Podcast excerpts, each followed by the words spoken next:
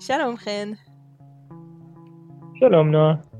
ושלום לכל מי שמקשיבים לנו. אנחנו בפודקאסט מקשיבים לכלבים, ואנחנו כאן כדי לעזור לכם לענות יותר עם הכלבים שלכם. כי בעצם, כשאנחנו לומדים להקשיב לכלב, גם הכלב שמח יותר להקשיב לנו.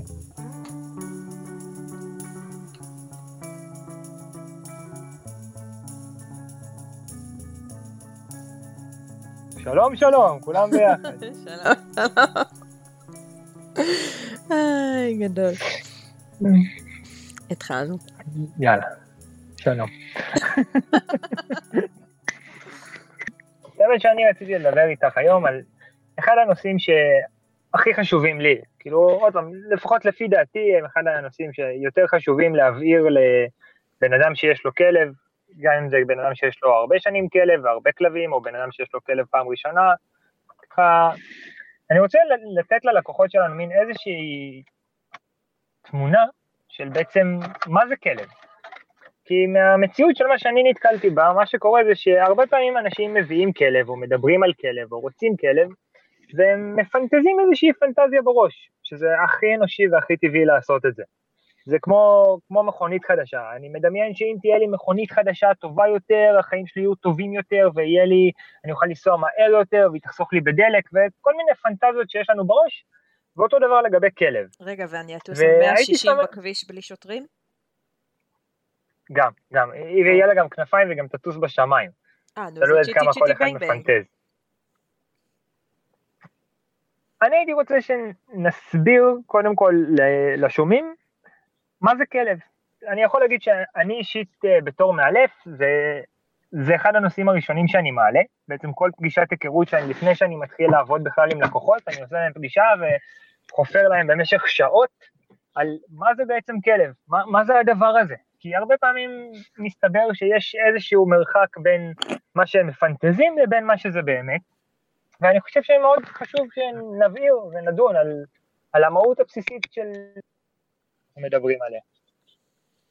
אז אנחנו לא מדברים אבל בעצם על מהו כלב מבחינה ביולוגית ואיך הוא התפתח להיות כלב מתוך איזה חיה וכל התהליך הביות והדברים האלה. אנחנו מדברים על משהו הרבה יותר אה, מוחשי ופרקטי, שממש רלוונטי לכל האנשים.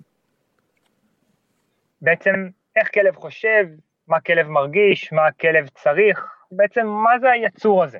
אוקיי. Okay.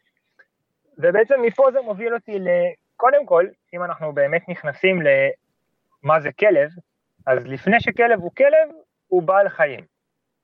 נכון. ולכל הבעלי חיים יש איזשהו מענה משותף, מחנה משותף, מין איזה שהם קריטריונים שהם בעצם מגדירים מה זה יצור חי. Mm-hmm.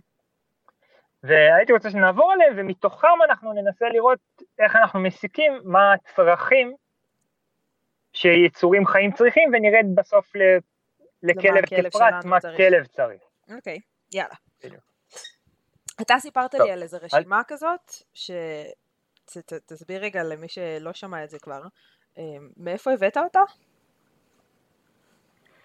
אה, את האמת שאחרי דיבורים ניסיתי ככה לפשפש בזיכרוני ולנסות לעלות מאיפה עלתה לי הרשימה הזאת, אני משער לעצמי שזה איפשהו מאיזה כיתה ג' ד' באיזה שיעור אה, מדעים כזה. כן. שהתחילו לדבר איתנו על מה זה יצורים חיים ומה זה... אה, הבחנה בין חי, צומח ודומם. כן, כנראה זה היה איפשהו שם. כן.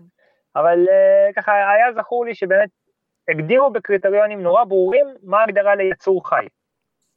אוקיי, אז יש לך את הרשימה? כן. יאללה. הצלחנו להגיע למקורות הכל כך נפוצים ולמצוא את הרשימה בגוגל, ולהלן הרשימה. טוב, אז קודם כל, הדברים שבאמת יצור חי צריך זה נשימה, רבייה, הזנה, שזה אומר אוכל, מים, הפרשות, זיעה, צרכים, פיפי, קקי וכו', גדילה והתפתחות, תנועה ותקשורת עם הסביבה. אוקיי, okay, זאת אומרת שבלי ש... הדברים האלה זה לא נחשב יצור חי. בדיוק. בעצם לכל יצור חי על פי הגדרה יש את כל הקריטריונים האלה. אוקיי. Okay. הכלב אה, די אה. עונה על כולם פה. כן, כמו בני אדם, כמו פחות או יותר כל יצור חי שאנחנו מכירים, מדג שהוא לא יונק לכל יונק שאנחנו מכירים. בעצם גם צמח עונה על הדברים האלה. אנחנו מדברים פה בעצם גם על בעלי חיים וגם על צמחים, לצורך העניין. חוץ מתנועה, אולי, צמח לא צריך תנועה. תנועה זה קצת כזה, וגם הפרשות זה גם לא כל כך, וגם הרבייה של צמח היא לאו דווקא בצורה של רבייה, זאת אומרת, לא תמיד זה רבייה, לפעמים זה התפשטות, כאילו, של... אוקיי. אבל... אוקיי, סבבה, כן. בואו נחזור לבעלי חיים. אז בעצם מתוך כן. המאפיינים האלו, יש לנו איזה שהם צרכים נחוצים לקיום היצורים החיים האלה.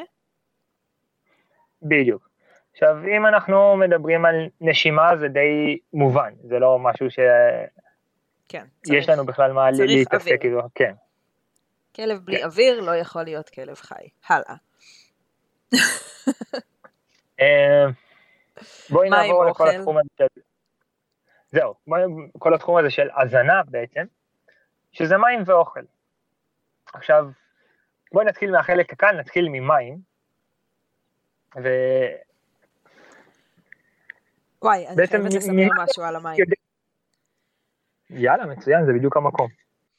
אמ, לפני הרבה הרבה הרבה שנים הייתי במפגש מאלפים, וזה התרחש באיזושהי אמ, כלבייה כזאת, פנסיון, אילוף כזה, משהו כזה. וישבנו שם באיזה חדר ודיברנו והיו כל מיני מיני הרצאות קטנות וכל מיני דברים כאלו. ובהפסקה קמנו לקחת קפה וקצת אה, לחלץ עצמות והסתכלתי לפינה ואני רואה שם את הקערת מים, אתה יודע, מטבחון כזה קטן. והסתכלתי על קערת מים ופשוט הייתי בשוק כי זאת הייתה קערת מים עם מים בתוך החדר אילוף אבל היה שם כל כך הרבה ירוקת ודברים שחורים ומין אתה מכיר את זה שקערה שלא שוטפים אותה הרבה וכלבים שותים ממנה, אז זה נהיה מין ג'יפה כזאת שדבוקה לקערה מבפנים? זה היה נראה ככה. כן, יש לי מסטינו בבית. כן.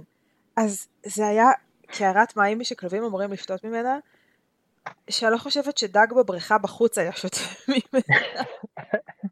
זה היה פשוט נוראי. כן. אז אם אנחנו מדברים על מים, אנחנו מדברים על מים טריים, נקיים, עם טעם נורמלי, ושאפשר לשתות מהם. את האמת שאם את באמת מעלה את זה, זה באמת משהו חשוב שהרבה אנשים לא מבינים שכלב, נגיד כלב קטן, אם עכשיו נותנים לו קערת מים שהיא גדולה יחסית, ולוקח לו חמש ימים לשתות את המים, אז זה לא, לא תקין, כי המקור מים היחיד שלו זה מים שעמדו חמישה ימים. מים זה משהו שאמורים להחליף על בסיס יומי. אם לא יותר. מקסימום. תלוי בכל כלב, אבל בגדול כן. כן, נגיד אצלנו לפעמים קרמה שותה מהקערה, ואז אריק ניגש אליה והוא אומר, איכסה, מה זה הדבר הזה? אני לא שותה אחריה. ואז אנחנו שמים לו מים נקיים, ואז הוא מיד שותה. כי קרמה, כשהיא שותה, זה, זה בהמה. במקרה הספציפי אצלי, נגיד שיש לי ארבע כלבים, שאחד מהם זה המסטינו, אז כל פעם אחרי שהמסטינואית אה, באה ושותה ומשאירה מלא מלא ג'יפה ורוק ודברים שהיא אספה במהלך הדרך בטיול, אז כל הקערה נהיית מזוהמת. ולשאר הכלבים זה לא מפריע לשתות מזה, לאשתי זה מפריע, אז היא כל פעם אחרי שלאפה שותה אז היא מנקה את המים, אז זה בסדר. אבל אה, כן, תחלופה של מים זה משהו שהוא מאוד חשוב. עכשיו כמובן שאם יהיו מים עומדים ולכלב לא יהיה מקור אחר, הוא ישתה מזה. כן. הוא לא, כן, וכמו בסופו של דבר גם דג ישחה נכון. במים האלה אם זה יהיה זה או להישאר בחוץ. נכון. אבל כלבים נכון. כן צריכים חלופה של מים. כן, מסתבר שיש הרבה מה לחפור על מים, אמ, כי אה, אה, בוא נגיד אולי רק עוד משפט אחרון ואז באמת נמשיך לחפור על דברים אחרים. אמ, אם אנחנו לוקחים את הקערת מים וממלאים אותה בכיור, ולא עבר דרך זה סבון וסקוטש ברייט, לא עשינו הרבה. זאת אומרת, המים הנקיים ישבו בתוך הקערה עם הג'יפה ממקודם. ויש הרבה אנשים שרק מרוקנים את הקערה, עושים ויש ויש עם המים, ממלאים אותה מחדש ומניחים. זה לא באמת נקי. אז אני חושבת שצריך גם להקדיש עוד את הכמה רגעים האלה, לשטוף את הקערה, אולי פעם בכמה ימים להעביר אותה גם במדיח, עם, אה, אתה יודע, על החום הגבוה וזה, קצת להרוג שם חיידקים. אה, כי בוא נגיד, אה, כן. אם אנחנו לא היינו רוצים לשתות מזה. כן, זה, זה את האמת הקריטריון הכי נכון. זאת אומרת, אם אתה לא מוכן לשתות מזה, אז אל תיתן לכלב שלך לשתות מזה. כן. אמ, נוסיף גם שקערות פלסטיק יש להם נטייה הרבה יותר כבדה ללצבור חיידקים ולהשאיר את הג'יפה בתוכם והרבה יותר קשה לנקות אותם ונירוסטה מתנקד. נעלמת לי. אוי לא, חן נעלם. בקלות ולא באמת דורש. רגע, זה היה, היה לנו שקט. הלו? כן, התקשרו אליי. אוף. אה, אוקיי, אז תמשיך. אוקיי, אז, אז אני רק אה, עוד פעם, אני אגיד שבעצם גם יש הבדל בין קערות פלסטיק לקערות נירוסטה, בגלל זה רוב הקערות הן קערות נירוסטה, כי נירוסטה זה איזשהו חומר שכמעט ושום דבר לא נדבק אליו וממש קל לנקות אותו, וזה לא איזה משהו שבאמת עכשיו צריך לקרצף אותו כמו איזה תבנית מלאה בשמן, זה להעביר סקוץ' בקטנה והוא כמו חדש, לעומת קערות פלסטיק שצוברות הרבה יותר חיידקים, והרבה יותר קשה לנקות אותם ולתפעל אותם. ולפני שאנחנו מסיימים על המים, היה לי עוד איזה ככה דיון שרציתי בעצם לשאול אותך עליו. אוקיי. Okay. ממה שאני מכיר, אני יודע שלפחות לגבי מים, מים צריכים להיות נגישים לכלב 24/7. מתי שהכלב צמא צריך שיהיו לו מים. כן. כן, ברור. זה זכות בסיסית של כל יצור חי. עכשיו, יש כלבים שאיך שיוצאים מהבית, איך שמשאירים אותם לבד, הופכים את הקערת מים. נכנסים לקערת מים ושוחים בפנים, הופכים אותם, משתוללים, קופצים, ולא נשאר להם מים, בסופו של דבר. בסופו של דבר הם כאילו, הם מביאים את עצמם למצב של הם תקועים בלי מים. Mm-hmm. אז יש לי פה סתם ככה איזו שאלה, ל... בסיטואציה כזאתי, מה את חושבת על מציאות של, שלפני שבן אדם יוצא מהבית, שהוא ירים את הקערת מים וידע לדבר ראשון להחזיר אותה כשהוא חוזר לבית? ממש לא. ממש לא. למרות... כי, כי יש כל כך הרבה פתרונות אחרים. אפשר לשים לו כמו? בקבוק של אה, מכרסמים כזה, אבל גדול, שמיועד לכלבים. בדרך כלל בחנויות שמוכרות כלובי טיסה גדולים, אז יש כאלה. ואפשר ללמד את הכלב לשתות מזה, ואז הוא לא יכול לחפור במים, אבל יש לו מים לשתות מהם. אפשר לשים מתחת לזה דלי או, או איזושהי קערה גדולה, כדי שהמים שהוא שותה ומטפטפים לרצפה ייכנסו לתוך הקערה. אפשר לשים לו את המים בתוך דלי או קנקן גבוה, ולחבר אותם למשהו גבוה לקיר, או ל, ל, ל, אם יש כלוב או משהו כזה, אז לחבר את זה לכלוב מבפנים או מבחוץ, בצורה כזאת שהוא לא יוכל לחפור ולסחוט וליהנות מהמים, חוץ מאשר בצורת ה, אה, בצורה שהתכוונו אליה, שזה לשתות מהם. אה, ויש קערות שאי אפשר להפוך אותן, ויש קערות אה, שגם אי אפשר לחפור בהן, אבל הן מחזיקות הרבה מים ויכולות להחזיק מים מספיק לכל היום, השעות שהכלב לבד.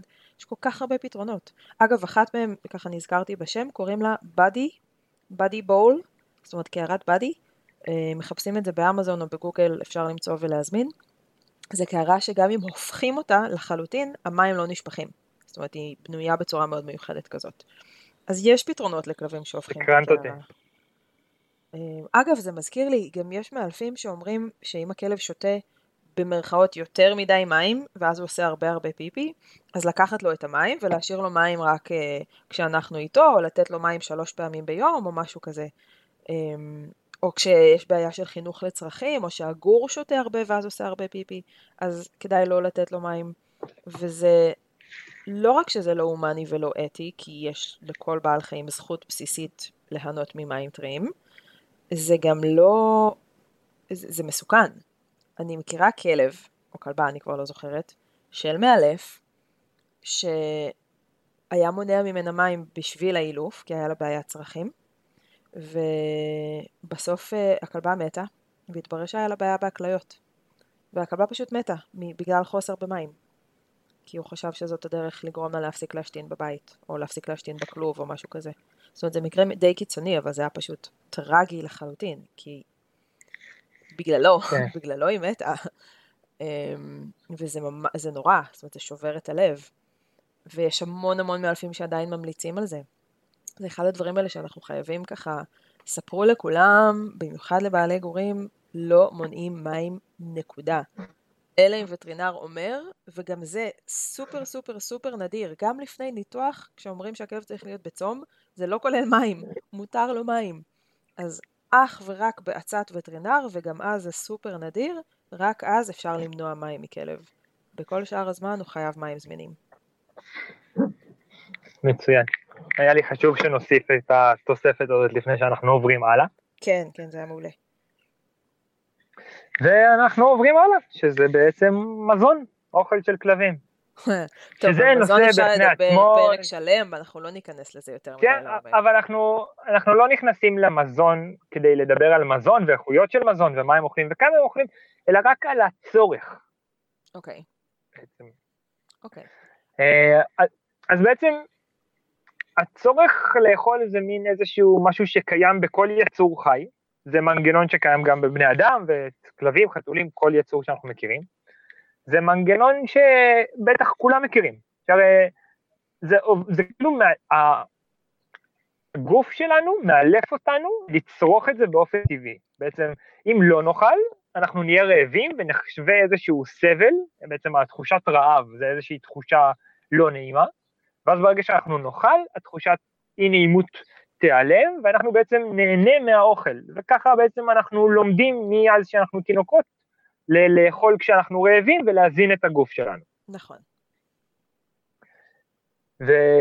הבעיה מתוך... עם כלבים זה שבעקבות uh, הרבעה מכוונת של, של בני אדם את הכלב לחידוד וחיזוק של כל מיני תכונות שרצינו, כמו צבע פרווה, צורת גוף, מבנה וכן הלאה, אנחנו בטעות חידדנו גם תיאבון uh, בלתי פוסק, um, וזה יכול להיות מסוכן. נגיד לברדור, או קרמה, שהיא אמנם כאן קורסו, אבל היא יותר לברדור מהלברדור, אמ, אם היה לה גישה לשק של 20 אה, קילו אוכל, היא תאכל כמה שהיא תאכל, ואז אה, היא עלולה למות מזה, או מהיפוך קיבה, או מאיזשהו בלאגן אה, במערכת העיכול, וכן הלאה. ואין לה את הקטע הזה של, טוב, אכלתי קצת, אני, אני שבעה, אני לא צריכה יותר לאכול עכשיו. זה, זה פשוט לא קיים, בגלל ההרבעות שבני האדם יצרו לאורך השנים. אז צריך לשים לב גם לזה. נכון, ועם זאת יש גם את ה... כאילו, זה, זה לא בדיוק הסיפור נגד, אבל יש גם הרבה אנשים שבעצם הצורת האכלה שמאכילים את הכלב, הם פשוט ממלאים את הקערה. הכלב אוכל מתי שהוא רוצה, כמה שהוא רוצה, הוא הולך, כשהאוכל נגמר הם פשוט עוברים ליד, רואים שהוא נגמר ודואגים למלא אותה. עוד, כן. יש עם כן. זה כמה בעיות. ו... דברי. ש... שאני אגיד, אוקיי. שלך. אחת, אמ, אחת זה שאנחנו לא, לא יכולים בעצם להיות במעקב צמוד אחרי התיאבון של הכלב.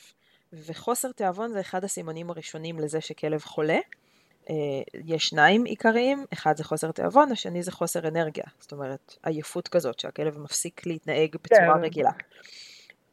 לא משחק, אין לו כוח לזוז, לא מגיב כן, יותר מדי, לא אדיש. לא מתלהב כרגיל, אדיש יותר בדיוק. אז החוסר תיאבון הזה אנחנו יכולים לראות אם למשל אני באה לתת לכלבים שלי אוכל בערב והכלבים אומרים לי לא בא לנו היום אז אני מיד מכניסה אותם לאוטו ולוקחת אותם למיון כי זה לא הגיוני לכלבים שלי שהם יסרבו ככה לאוכל זה, זה, זה אומר שהם עומדים למות מבחינתי אמ, כלב שיש לו אוכל בקערה כל היום והוא מנשנש לאורך היום מתי שהוא רוצה ואנחנו לא באמת יודעים אם הוא אכל את הכמות היומית שלו או לא ואם הוא אכל אותה בתיאבון או לא, או רק נשנש ככה מחוסר ברירה, אז אנחנו מפסידים את כל המידע הבריאותי הזה שהאוכל והאכילה נותנים לנו על הכלב.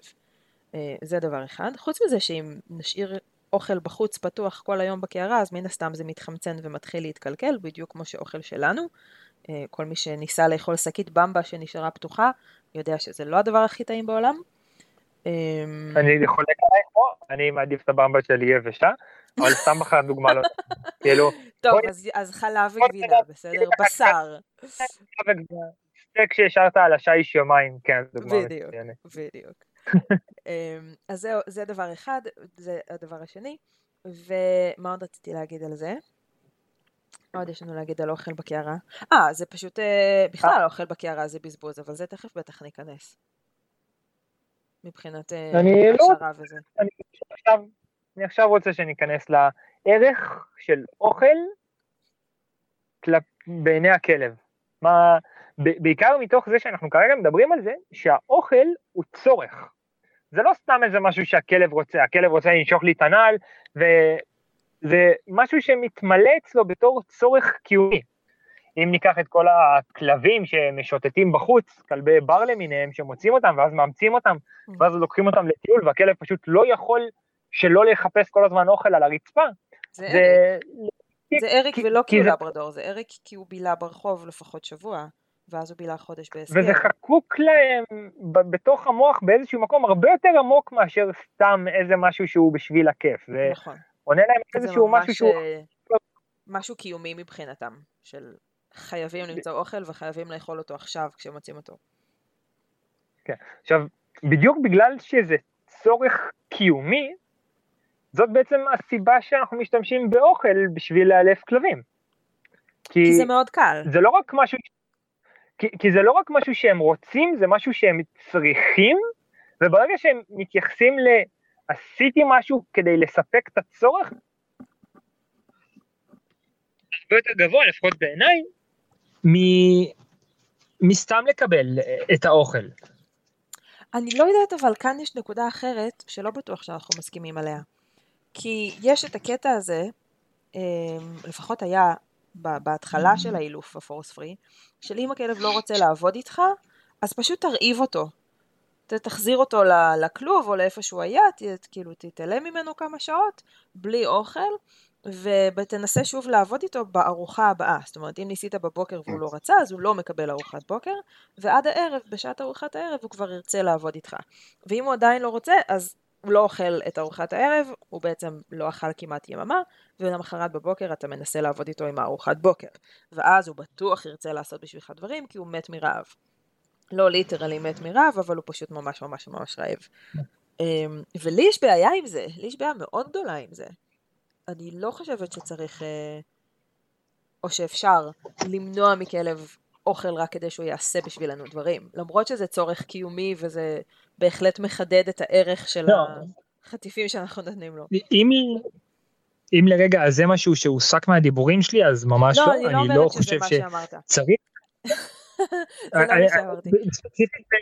בנוגע למה שאת אומרת, אני חושב שכלב שעוד לא רגיל להתחיל לעבוד, כאילו כלב שרגיל לאכול כל הזמן מקערה ועוד לא רגיל לעבוד בשביל האוכל, אז כדי להניע אותו אפשר פשוט להשתמש בחטיפים מאוד מאוד שווים.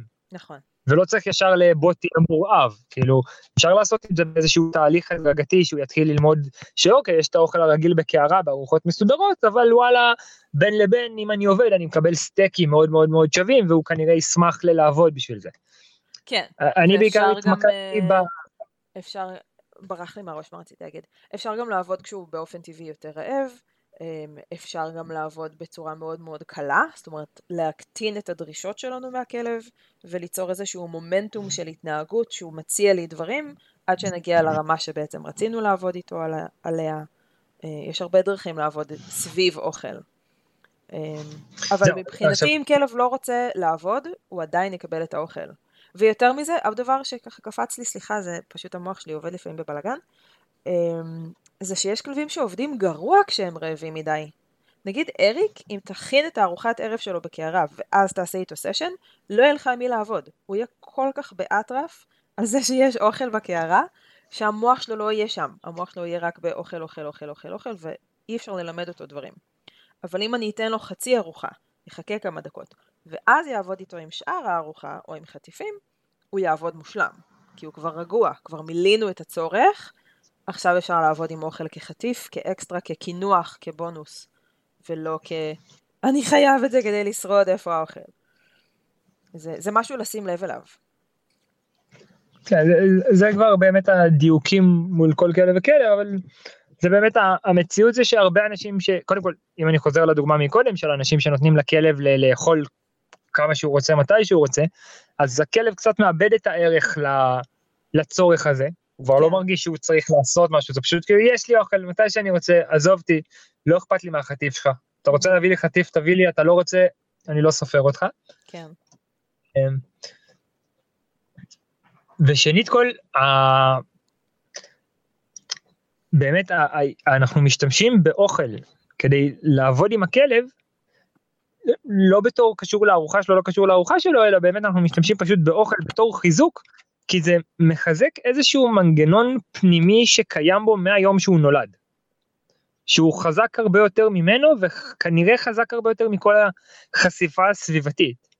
זאת אומרת, הר, הרבה פעמים כן יש מציאות שמביאים כלבים למצב שהם יעדיפו איזשהו משחק מאוכל, מהמם. אבל לרוב כל הכלבים נולדים מתוך נקודת הנחה שהם יאהבו. יאכלו אוכל, וכאילו, כי הם פשוט צריכים את זה, אם הם לא היו אוהבים אוכל, הם לא היו קיימים. זה מין כן, איזושהי כן. משוואה די פשוטה. נכון, נכון. אוקיי, בואו נעבור ל- לצורך הבא, הבסיסי הבא. מצוין. אוקיי, אז אנחנו מדברים, הדבר הבא, זה בעצם הפרשות. זה על הצורך של כלבים לעשות פיפי וקקי. ש... של לאו דווקא כלבים, של בעצם זה של כל יצור חי עוד פעם, אבל כן, זה באמת, זה מבוסס על זה שאנחנו חייבים לעשות את זה. זה, זה כמו אצל בני אדם. זה אם אנחנו לא נעשה את זה, הגוף שלנו ישדר לנו אותות מצוקה, אנחנו נרגיש תסכול. ואנחנו נהיה ממש אדם- ממש חולים אם לא נעשה את זה הרבה זמן. אם לא כן, נפנה הפרשות מהגוף. בוא, בוא, בואי. לפני שאנחנו מגיעים לגבול הקיצון של מה יקרה אם פשוט לא נעשה, אלא מה, מה קורה כאילו במצב שאנחנו מגיעים לגבולות הקיצון שלנו. זאת אומרת, אני מדמיין את עצמי עכשיו יושב ברכבת שאין בה מקום ל- לעשות שירותים, בנסיעה של איזה 3-4 שעות, ואני ממש ממש ממש צריך להשתין, ואני פשוט יושב ומחכה שכבר נגיע כי אני צריך להשתין. אני מתאר לעצמי שלא משנה אם מישהו יפנה אליי או ידבר אליי או יסתכל עליי, אני פשוט אתפוצץ עליו ויצא עליו ויצעק עליו. וזה בכלל לא קשור אליו, זה קשור למין state of mind שאני נמצא בו מתוך התחושת אי נעימות והלחץ והמגעיל לי שאני נמצא בתוכו. את צריכה לרדת לסוף דעתי על מה אני מדבר? כן, זה משהו שמתחיל להעסיק אותנו בעצם, כל מחשבה שלנו תלווה ב... אני צריך לשירותים, אני צריך לשירותים. זאת אומרת, זה, זה תופס את כל הפוקוס שלנו. אתה מתכוון לזה? כן, ו- ואם זה לא עונה לנו על הצרכים, כאילו אם אין לנו את האופציה לעשות את הצרכים, אז רק ילך ויגבר ויגבר ויגבר ויגבר, כן, ו- כן. וזה בעצם בדיוק התשובה ל... למה כלבים עושים צרכים בבית, כאילו גם כלבים שיודעים שלא, כי אם אתה לא תיתן להם את השלוש ארבע טיולים ביום, הם יגיעו למצב שיגידו, אני לא מוכן להתמודד, אני אשתין בבית, מבחינתי אחרי זה תבוא ודפוק בי כפכף, כפכף זה בקטנה לעומת החרא שאני סובל מלשמור את הפיפי הזה בבטן. כן, אז מאוד חשוב לי שנבהיר שזה משהו שכלב צריך, כלב צריך שיהיה לו מקום לעשות את הצרכים שלו. אז בוא נדבר רגע על לא יכול- מינימום. כמה פעמים ביום כלב בוא. צריך אה, הזדמנות לעשות פיפי וקקי? אני חושב ששלוש ארבע, איפשהו, זה המקום שלפי חושבת- דעתי, אבל זה לפחות מההיכרות האישית שלי עם הכלבים שלי. אה. מה את אומרת? אני בדרך כלל אומרת ללקוחות, לכלב בוגר, בריא ולא קשיש, שלוש פעמים מינימום, ארבע פעמים ומעלה זה נהדר, וכמובן שאם זה גור או קשיש או כלב חולה או איזושהי בעיה אחרת, או כלב סתם עם נטייה לשתות כמויות ו- ואז יש לו יותר פיפי, אז גם הרבה יותר. אבל זה איזשהו מינימום. כי יצא לי לא פעם ולא פעמיים להגיע ללקוחות חדשים ולגלות שהם מוציאים את הכלב לצרכים פעמיים ביום. והכלב, הנשמה טובה שלהם, פשוט בסדר עם זה, כי אין לו ברירה אחרת, וזה מה שהוא מכיר. ואני אני תמיד בהלם, כזה, איך, איזה כלבים טובים יש לכם ש, שהם, שהם פשוט סובלים בשקט ככה את כל השעות האלה. ותחשבו איך אתם הייתם מרגישים אם הייתם צריכים להתאפק חצי יממה כדי לעשות פיפי. ו- ולא תמיד נופל להם האסימון, לפעמים כל כך רגילים והכלב נראה כל כך בסדר עם זה שזה נראה להם תקין. ובעיניי זה, זה ממש לא, בעיניי זה, זה בעייתי, מאוד מאוד. אני גם, אני גם באמת חושב שגם אם הכלב נראה כאילו בסדר, יכול להיות שהוא פשוט יתרגל לזה, אבל זה לא משהו שהוא חווה בתור איזה כיף לי וסבבה לי. נכון. כאילו זה, זה בטוח בא על חשבון דברים וזה בטוח בא מלווה בהרבה תסכול להגיע לנקודה שכלב 12 שעות לא עושה את הצרכים שלו. כן, כן, זה יכול להיות בעייתי. אמ, עכשיו בואי ניכנס שנייה רגע לקטע הזה של גורים. אוקיי. יש מין, אמרה שאומרת שגורים יכולים להתאפק כמספר חודשים שלהם פלוס אחד בשעות. גור בן שלוש חודשים יכול להתאפק ארבע שעות, בן שש חודשים יכול להתאפק שבע שעות. כן, יש מין נוסחה כזאת בסיסית. את uh, מאשרת אותה? מאששת אותה? בגדול כן, כי זה נותן איזשהו מושג לאנשים כמה פעמים הם צריכים להוציא את הכלב, אבל זה לא מספיק ללכת לפי זה. זאת אומרת, אם יש לי עכשיו גור בן חודשיים, הוא יכול להתאפק שלוש שעות, אבל הסיכוי שהוא יעשה את זה בשבוע שבועיים הראשונים שלו אצלנו בבית הוא ממש קטן. כי הוא לא יודע עדיין שהוא אמור, וכי אין לו סיבה טובה לעשות את זה, וכי הוא לא מבין בכלל מה זה שירותים ואיפה שירותים ואיפה אמורים לעשות פיפי ואיפה לא, ויש עוד הרבה הרבה הרבה דברים סביב זה שצריך לקחת בחשבון. אז אני כן נותנת לאנשים את הפורמולה הזאת, אבל ביחד עם ההבנה של זה איזשהו, איזשהו בסיס, ובנוסף הם צריכים לשים לב גם למתי הכלב אכל, שתה, התעורר משינה ושיחק או השתולל, כי אז בטוח יש לו עוד פיפי. אז כן, אני, אה, משלבת בין. כן, יש גם את המקרים הנפוצים של בעצם הוצאנו את הכלב לטיול, במהלך הטיול הכלב השתולל, שיחק, השתין, עשה הכל, ואז הוא חוזר מהטיול עייף ומותש, שותה מלא, ואז פתאום נהיה לו פיפי. כן. ואז נוצר לאנשים את המין איזושהי רוטציה כזאת של, מה, הוצאתי את הכלב לטיול, טיילתי איתו שעה, חזרתי איתו הביתה, ואיך שחזרנו הוא השתין. נכון. אז כן, אז צריך לשים לב, אז נכון, אז אנחנו חוזרים מטיול של שעה, עולים, הוא שותה, אז נרד עוד פעם, יעשה פיפי, נגיד לו כל הכבוד, ונעלה עוד פעם. כן. זה קצת מעצבן. או ניקח מים לטיול, וניתן לו מים בחוץ. כמה דקות לפני כן. שחוזרים. גם אופציה. זה, זה הפתרון שאני בדרך כלל מציע ללקוחות, קחו איתכם תיק, שימו בקבוק מים וקערת מים, כן. הגעתם ללמטה של הבניין, תנו לו לשתות, תנו לו שנייה להשתין, ואז תעלו למעלה. כן. כן. זה עובד מעולה. בנוסף, עכשיו, אז... עוד פעם... את, רגע, יש גם את הקטע של הכלבים שמתאפקים בחוץ ועושים רק בבית, אמ, אבל זה אנחנו נדבר בפרק שנעשה על בעיות צרכים וחינוך גורים וכל זה. אוקיי, uh, אני רק רוצה אז לחדד את הקטע הזה של אם אנחנו מתייחסים לאיזושהי פורמולה כזאת שאומרת שגור בן ארבע חודשים לא יכול להתאפק יותר מחמש שעות, אז אם אנחנו לא היינו אחראים מספיק ושאלנו את הכלב לחמש-שש שעות בבית ואנחנו חוזרים והוא עשה את הצרכים, אין לנו שום זכות הגיונית או לגיטימית להתבאס או להתעצבן או זה משהו שאנחנו צריכים להבין ולתקוע. לצעוק עליו כן. ולדחוף לו את האף לפיפי כמו שפעם היו עושים. כן, אל תתני לא לאנשים לא לא לא אנחנו אומרים כי זה לא מומלץ אז לא עושים את זה וזה יוצר הרבה בעיות. ובעצם אם אתם יודעים מראש שהסיטואציה היא שאתם הולכים לצאת מהבית לטווח שעות לא הגיוני כמו אם זה כלב בוגר יותר משמונה שעות, או אם זה גור למעבר ליכולות שלו, אז או לדאוג שמישהו יבוא להוציא אותו לטיול, או לדאוג שיש לו פינה שזה בסדר שהוא יעשה את הצרכים בבית, או שתהיה לו חצר או משהו, אבל לא למנוע מהכלב לעשות את הצרכים, ופשוט להגיד, אה, בסדר, הוא יסתדר. או לכעוס כן. עליו כשחוזרים, כי, כי זה יוצר איזושהי מעגליות לא בריאה. הרבה פעמים הרבה פעמים באמת שכועסים על כלב שעושה את הצרכים בבית ואנחנו רואים את הכלב עושה את הצרכים ואנחנו מתעצבנים אנחנו מלמדים את הכלב לא לעשות את הצרכים שלו לידינו. זה בדיוק מה שבאתי להגיד. זה, זה יכול ליצור כל כך הרבה בעיות התנהגות יותר גרועות מסתם פיפי בבית, שממש ממש לא כדאי להגיב בצורה מתוסכלת או כועסת כשאנחנו רואים שהכלב עשה פיפי או כשאנחנו רואים את הכלב עושה פיפי או קקי בבית. כי, כי, כי כמו שאמרת, הכלבים לא, הם לא בהכרח יקשרו את זה למיקום הלא נכון, הם יקשרו את זה לנוכחות שלנו, ואז נקבל כלב שמתחבא מאחורי הספה ועושה קקי, או הולך אה, למקלחת ומשתין על השטיחון שם, וחוזר אלינו בלי שנשים לב, אמ, ואז אה, כל הבית מסריח, וזו בעיה הרבה יותר גדולה לנסות לשנות אותה, מאשר גור שלומד, או כלב חדש אצלנו שלומד שזה בסדר גמור לעשות פיפי לידינו, למשל כשהוא בטיול עם רצועה של מטר וחצי שתיים, אמ, פשוט לא בבית, אלא בחוץ. זאת אומרת, העניין הוא לא אל תעשה לידי, אלא הנה השירותים, כאן, פה אתה יכול. וזה משהו שהרבה אנשים טועים בו, אז היה חשוב להגיד את זה. כן. אוקיי, ומפה אני רוצה לקחת אותך שנייה לצד השני, לעשות את העבודה הנכונה והטובה.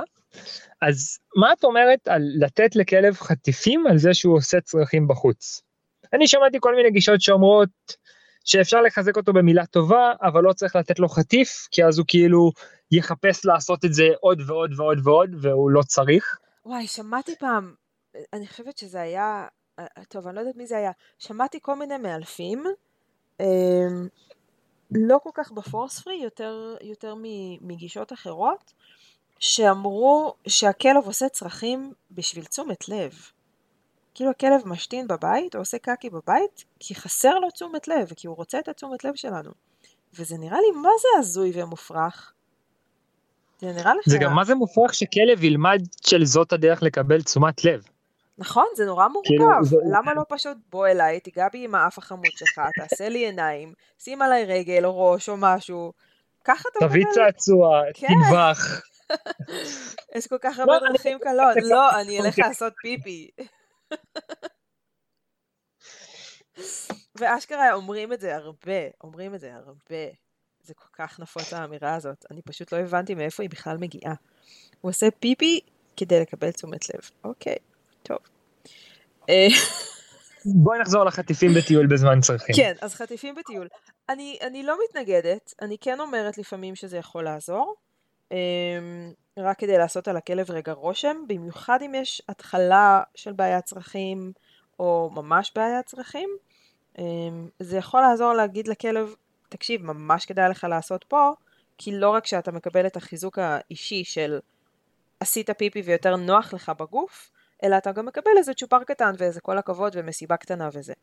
אז בתהליך החינוך לצרכים אני בעד, אה, עם קרמה עשינו את זה אגב, אה, אבל קרמה זה, קרמה זה הסיפור אחר, לקח לה כמעט שנה עד שהיא הפסיקה עם אה, צרכים בבית, ולא כי עשינו תהליך לא בסדר, אלא כי הייתה לה בעיה רפואית. אה, אז כדי להמשיך לחזק לה את זה שעדיף לעשות בחוץ ולא בבית, למרות הבעיה הרפואית שלה, אז כן נתנו לה חטיפים כשהיא עשתה בחוץ. וברגע שהבעיה הרפואית נפתרה, אז כמובן שהיא מתאפקת מושלם והיא כלבה טובה והכל טוב. אמ, אז אני בעד לתת חטיף, אבל לא חייבים, אפשר גם כל הכבוד כלב טוב. קרה לי פעם שלקוח חצי התנפל על הכלב שלו בכל הכבוד, כזה צעק עליו כל הכבוד בהתלהבות, ואני כזה, רגע, רגע, אתה מפחיד אותו, לו לעשות פיפי. אז צריך גם להיזהר עם זה. אבל להגיד בשקט, יופי, כלב טוב, כל הכבוד, לתת חטיף קטן כשהוא מסיים, זה, זה יכול להיות בסדר, זה יכול להיות טוב. אני לא נגד. מעולה, זה, זה גם בדיוק הגישה שלי, זאת אומרת, בתהליך ההרגלה אני ממש בעד, אני ממש בעד לגרום לכלב לחשוב על, אני יכול לעשות פיפי בבית וזה יהיה לי כיף, אבל אם אני עושה פיפי בחוץ, הולכת להיות מסיבה, איך בא לי להתאפק ולחכות לעשות את הפיפי בחוץ. כן, מסיבה קטנה אבל, מסיבה שקטה, מסיבה של אפלפים. אוקיי, סבבה. בלי בירות וחשפניות. כן. קטנה. לגמרי. יושבים לתכנת איזה משחק מחשב. אה, לא משנה. אה, אוקיי, אז מפה אני מגיע לשלב הבא, של בעצם סוג של אות ללעשות שתן. כי בעצם אני מכיר את הענפות זה ביזי ביזי. נכון. שבעצם אנחנו משתמשים בו כדי להגיד לכלב, אוקיי, עכשיו הולכים להשתין. ונתקלתי בשאלה מאוד טובה שאומרת, אה, אז אני בעצם מלמד את הכלב לעשות את הצרכים רק מתי שאני אומר לו? לא. יש הבדל בין לשים התנהגות על... לא, לא, יש... לא. יש הבדל... לא. יש הבדל בין לשים התנהגות על אות, שזה להציע לכלב עוד הזדמנות לעשות אותה, לבין לשים אותה על מה שנקרא גירוי מבחין, או בקרת גירויים, או באנגלית stimulus control, וזה אומר, אתה לא עושה את זה אלא אם ניתן האות. למשל, אם אתה עומד בצומת, אתה לא יכול לנסוע קדימה, אלא אם יש לך אור ירוק, כי אחרת אתה תקבל קנס, אתה תקבל עונש. או ישללו לך את הרישיון אם תעשה את זה מספיק פעמים. או רכב ייכנס בך. או רכב ייכנס בך ותאבד את החיים שלך למשל. אה, בקטנה כזה, אתה יודע. אז יש הבדל בין זה הזמנה לעשות משהו, לבין אתה חייב לעשות משהו. כשאני אומרת לכלבים שלי ביזי ביזי, זה הזמנה, זה תזכורת. אומרת להם, תקשיבו, אם יש לכם פיפי או קקי, זה הזמן, זה המקום, הנה אנחנו פה, תתכבדו. זה לא עכשיו אתה חייב, ואם לא תעשה את זה אז אני ארביץ לך, או אני אצעק עליך. זה, זה קצת כמו שאני עם הילדים שלי, במיוחד כשהם היו קטנטנים, אז לפני שנכנסנו לאוטו לאיזושהי נסיעה ארוכה, אני מזכירה לכולם למי יש אה, אה, פיפי, מי צריך עוד להתפנות, אנחנו נכנסים לאוטו. ואז הם הלכו וראו אם יוצא או לא יוצא. כי הם, הם ידעו שיהיה להם יותר נוח להיות מרוקנים בנסיעה, ושלא בטוח שיהיה לנו מיד איפה לעצור על כביש מהיר. ככה אני רואה את זה עם הכלבים. אני, אני רוצה להוסיף קצת וגם לחדד את זה מהזווית שלי. אז קודם כל, אם הכלב יעשה או לא יעשה כשאני אומר לו, זה מילא, הפחד שלי זה שזה יגיע למצב שהכלב לא עושה אם אני לא אומר לו, ואז מצב של כאילו הבעלים סתם מאושפז בבית חולים שלוש ימים, הכלב עכשיו שלוש ימים לא יכול לעשות את הצרכים כי הבעלים שלו לא שם להגיד לו. הכלב לא יושב ויחכה. נכון, אבל הכלב יגיע למצב שהוא עושה את הצרכים שלו, אבל מרגיש מלא מלא מלא מלא תסכול מתוך זה. לא אז ככה באמת לחדד את זה שזה לא עניין של פקודה, זה עניין של עזרה, ומבחינתי אני מסתכל על זה בתור יותר כמו רמז. נכון. כמו ש... כמו שאנחנו נגיד אם אנחנו ממש רוצים להשתין ויש לנו פיפי ופתאום מישהו יפתח איזה ברז או מישהו יעשה רעש של מפלים ברקע איזשהו משהו שמקושר לנו בראש. למים, כן. כן, אז זה כאילו יעשה לנו מאוד מאוד פיפי אז זה אותו דבר כל פעם שהכלב עושה פיפי אנחנו אומרים את אותו צליל את הביזי ביזי ביזי ואז כשאנחנו סתם יוצאים לטיול ואנחנו עושים את הביזי ביזי ביזי אם כבר יש לו את הלחץ בבטן זה נורא יגרום וואי, פיפי והוא יעשה נכון. פיפי לא בטוח אני חייב או צריך או אם אני לא אעשה אם לא תעשה הכל בסדר אבל זה מין אני מזכיר לך בדיוק כמו שאמרתי עם הילדים לפני נסיעה כאילו אני רק מעלה שנייה את הפוקוס לאם יש פיפי זה הזמן. נכון לגמרי. אז רק... כן, uh... כן, כן הייתי רוצה להגיד עוד משהו קטן לגבי זה. Um, צריך לשים לב שזה לא הופך למשהו שפוגע בכלב בטעות. כי למשל, כלבים ש, שיודעים ביזי ביזי ואפשר פשוט לרדת איתם החוצה, או להוציא אותם החוצה, להגיד ביזי ביזי, תוך 20 שניות הם עושים וחוזרים הביתה, אלו כלבים שלא מקבלים טיולים. או לפחות הרבה הרבה פחות ממה שהם היו צריכים. כי יש כן. חשיבות רבה לטיול בחוץ מעבר לצרכים. ניכנס לצורך הזה תכף, כי נגיע גם אליו הרי. כי הרי זה צורך כן, של כלב. כן, אנחנו נגיע אליו כשנדבר על הפירמידה, אבל הוא פשוט מתקשר לכאן, אז רציתי רגע להגיד את זה גם. אה, זאת אומרת, זה לא במקום טיולים, זה שהכלב עושה ביזי ביזי כשאנחנו מבקשים ממנו, מציעים לו לעשות אה, צרכים, זה פשוט משהו שיכול לעזור, במיוחד בהתחלה, התחלה, תהליך של חינוך לצרכים, או עם גור או עם כלב שיש איזושהי בעיה, אה, זה משהו שיכול לעזור, אבל הוא אמור להיות זמני. זאת אומרת, אחר כך לא צריך להשתמש בזה יותר. אני חושב על זה בשימוש של יצאתי עם כלב לטיול של עכשיו שעה וכל כך שיחקנו והשתוללנו שהוא בכלל לא חשב על פיפי אז בדרך חזרה הביתה אני אזכיר לו תזכור שגם אנחנו עושים פיפי פה לפני שעולים הביתה. מעולה, כן. אה, אבל כן. אה, אוקיי ועכשיו בואי נדבר שנייה על ההפרשה השנייה על קקי. מה החוקיות לגבי התאפקות בקקי? אני לא שמעתי על שום איזושהי חוקיות אני אני יודע ש... שזה מתחבר חלק לקטע של התזונה, שלפחות אצלי בכלבים, כל הכלבים שהיו לי עד עכשיו, ברגע שיש להם הרגלי תזונה, והם אוכלים בשעות מסוימות, הם גם מחרבנים בשעות מסוימות. פחות וזה מין איזושהי נוסחה מאוד קבועה לפחות אצל הכלבים שלי. הם אכלו, שעה אחר כך הם יוצאים לטיול, הם ישר יחרבנו. כן, זה יכול להיות uh, מסודר כזה, לא תמיד זה ככה, זה, זה משתנה. אמ, כן בגדול הפורמולה היא שכמה פעמים שהכלב אוכל ביום ככה יהיה לו קקי ביום. אז אם הוא אוכל שתי ארוחות יהיה לו פעמיים בערך, אם הוא אוכל ארבע ארוחות הוא כנראה יחרבן הרבה יותר, אמ, וזה לא משנה אם הכמות היא אותה כמות, כי זה פשוט משהו שעובר דרך הגוף ואיך הגוף מאבד את הדבר הזה. אמ, אז זה ככה כן איזושהי פורמולה שאני מכירה. זה כן עוזר שהם אוכלים בשעות פחות או יותר קבועות. כי אז גם הצרכים פחות או יותר קבועים, כמו שאתה אומר. ואז שוב, אם יש לי גור קטן, שאני לא יודעת מתי הולך להיות לו פיפי או קקי, עוזר מאוד לסדר את, ה- את הסדר יום שלו מבחינת ארוחות, וזה מסדר גם אותו הסדר יום מבחינת צרכים.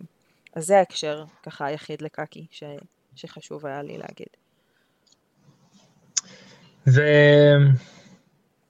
ומה הקטע של כלבים? למה הם אוהבים להתפלש בזה ולאכול את זה? כי יש לזה ריח טוב מבחינתם, כמו שאתה אוהב לשים בושם. ו... הם על הפנים בבחירת ריחות שלהם. זה, זה עניין של העדפה, זה כמו בושם מסוים שגיסתי ממש אוהבת, אהלן דבי, אם את מקשיבה, ובושם אחר, ש, ש, זאת אומרת אותו הבושם שהיא מתה עליו, אני לא מסוגלת להריח, ולהפך, יש דברים שאני מאוד אוהבת והיא לא מסוגלת לארח, זה עניין של העדפה אישית. אבל העניין שלה לאכול את זה זה משהו אחר. זה פשוט כי הכלב התפתח כאוכל זבל. וכשהוא התחיל להתפתח מה, מהזאב או מהאב הקדמון שלו, אמ, להיות הכלב שאנחנו מכירים, הוא עשה את זה דרך אכילת זבל במזבלה שנוצרה אצל בני אדם כשהתחלנו להתיישב ביישובי קבע. והתחלנו לזרוק את כל השאריות אוכל שלנו במקום אחד, כי כבר לא נדדנו כל כך הרבה, ואז כמובן שגם השאריות שיצאו מהגוף שלנו היו במקום אחד, וזה פשוט היה חלק מהתזונה שלהם. אז אה, זה, זה אחד הדברים הכי טבעיים והכי מגעילים שכלבים עושים. שיבושם להם. כן, רק לא לידינו בבקשה, וגם לא ללקק אחרי זה. ותצחו שיניים, תאכלו איזה חתול או משהו אחר כך. לא, לא אוכלים חתולים, הוא לא התכוון באמת. טוב, תיזהר, מה שאתה אומר פה יצאו עלינו בסוף אה, כל מיני חסרי, אה, חסרי הומור. הוא המליץ לי לצחצח את השיניים של הכלב בעזרת החתול. כן, איפה לוקי? כן, לוקי, תיכנס שנייה לפה של קרמה. כן, אם מלמדים את החתול לעשות את זה מיוזמתו זה בסדר. טוב, יאללה, בוא נעבור.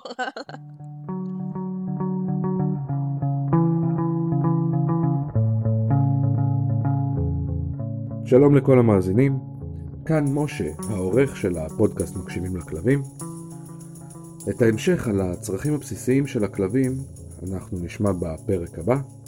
בינתיים, אם עוד לא הצטרפתם, מוזמנים להצטרף אלינו בפייסבוק, מקשיבים לכלבים, ושיהיה לכם אחלה יום!